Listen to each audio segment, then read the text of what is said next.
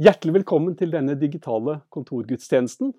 Mitt navn er Helge Terje Gilbrandt, og jeg er pastor i Pinsekirken Tabernakelet Skien.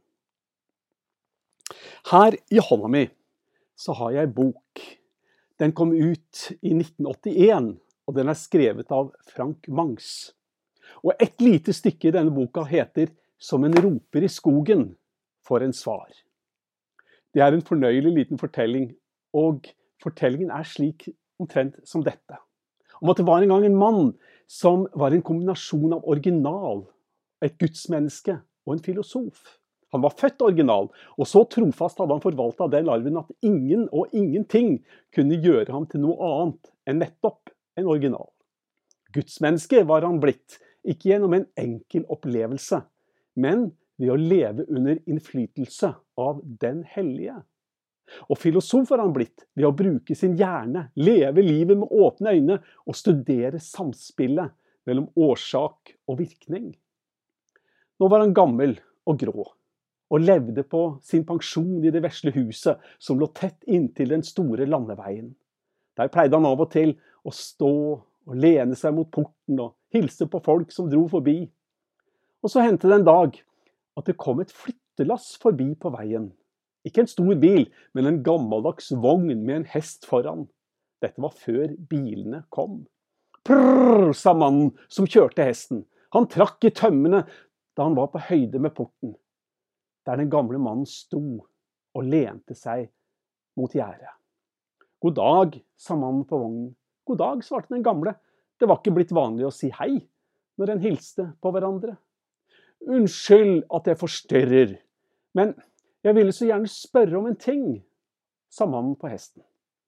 Bare spør, svarte originalen, så kan vi jo se om, om jeg kan svare. Jo, jeg skulle så gjerne vite hva det er for slags folk som bor i landsbyen rundt svingen bak skogen. Jeg er på vei til å flytte dit, og derfor vil jeg så gjerne vite hva slags folk det er der. Den gamle tok seg litt tid til å tenke før han svarte, og da svaret kom, så var det slik som dette. Hva er, det, hva er det slags folk som bor på det stedet du kommer fra, da? Og, og det er de beste menneskene dere kan tenke seg. Snille og vennlige og hjelpsomme på alle måter. Og det var, det var virkelig vanskelig å rive seg løs derfra. Men jeg var, jeg var jo nødt til å gjøre det. Den gamle mannen venta igjen noen øyeblikk før han med både ettertrykk og glede sa Jeg vil gratulere deg. Du er sannelig heldig. Jeg kjenner jo folkene i den landsbyen du er på vei til, og jeg kan forsikre deg om at de er minst like bra som de forrige naboene dine var. Og mannen på lasset han smilte og takka, smatta på hesten og kjørte tilfreds og glad videre. Så gikk det en tid. Da hendte omtrent det samme en gang til. Den selvlærde filosofen sto og lente seg mot porten da det kom et flyttelass igjen.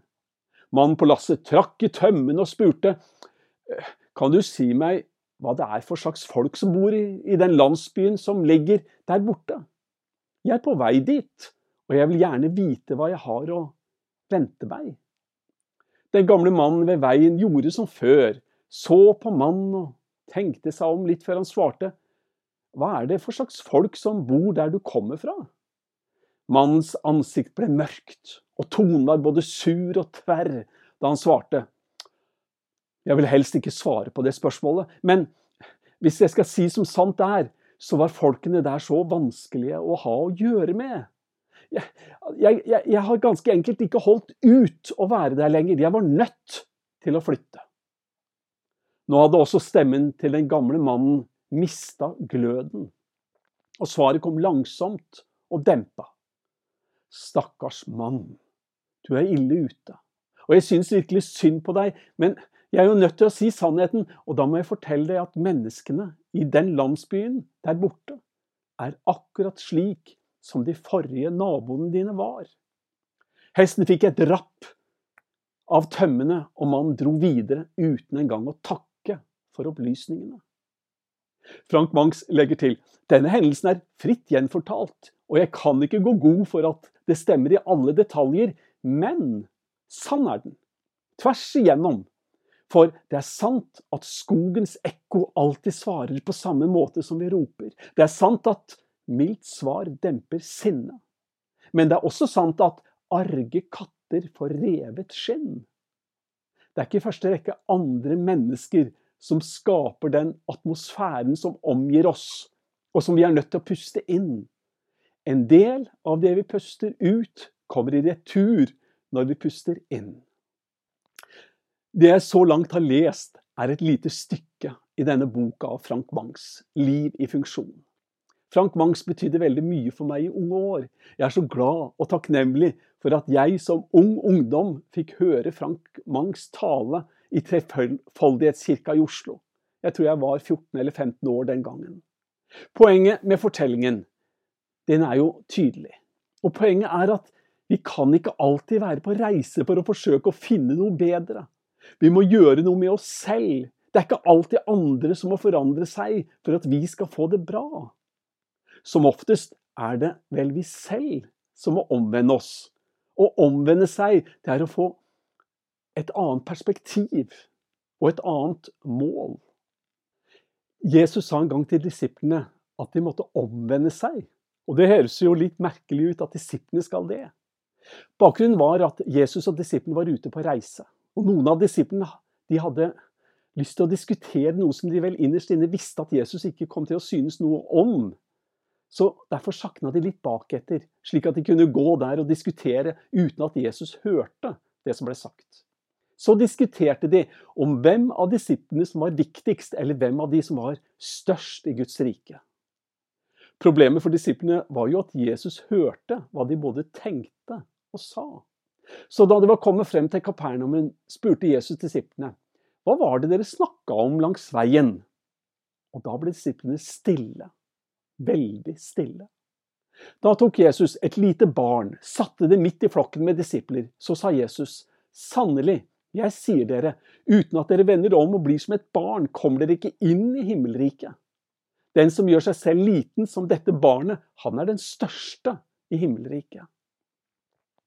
Jesus kaller disippelen til omvendelse, og så løfter han fram et lite barn som deres læremester. Det er ikke alltid alle andre som skal forandre seg. Jeg tror at vi alle hver eneste dag trenger å se oss selv i speilet, takke Gud for at han har gjort noe i livet våre, samtidig som vi ber om nåde og at han skal fortsette å arbeide med oss og forme oss mer etter sin egen gode vilje. For å summere opp det er ikke alltid alle de andre sin skyld, og det nytter ikke alltid å være på reise bort fra noe. Vi må som ofte se realiteten i øynene og være villig til å forandre oss selv. Og det å forandre oss, eller omvende oss, det er en prosess som vi nok må holde på med hele livet.